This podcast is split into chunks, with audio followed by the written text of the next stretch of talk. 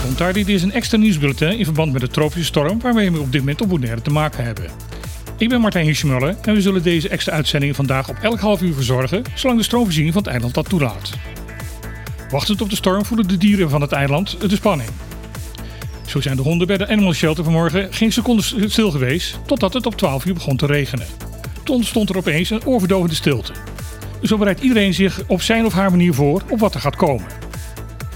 Megahit FM-presentator Lisanne Eikelboom keek voor het begin van de storm nog even op de boulevard van Playa.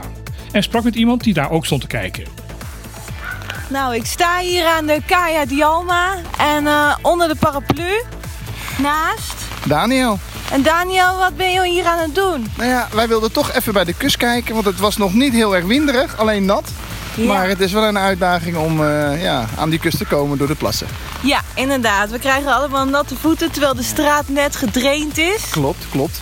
Maar goed, we wilden alleen even snel kijken, want ja, anders moeten we de hele dag binnen zitten. We denken nu het nog niet waait. Even erop wagen. Heel goed, heel goed. Ja, en wat doet u? Nou, we gaan radio maken bij de Megahit FM, dus... Nou, uh... De laatste voorspellingen zeggen dat de kern van de storm, die officieel nog steeds geen storm is, ons eiland rond 3 uur vanmiddag gaat passeren. Daarvoor hebben we natuurlijk al te maken met de voorbodes daarvan. De verwachting is dat het tegen de avond weer rustiger zal gaan worden.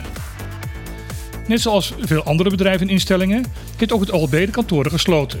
Men hoopt morgen weer gewoon open te kunnen. De KLM heeft al een vlucht naar Bonaire gecanceld, de tickets blijven geldig en er zal binnen 24 uur gezorgd worden voor een vervangende vlucht. Van TUI is nog niks bekend.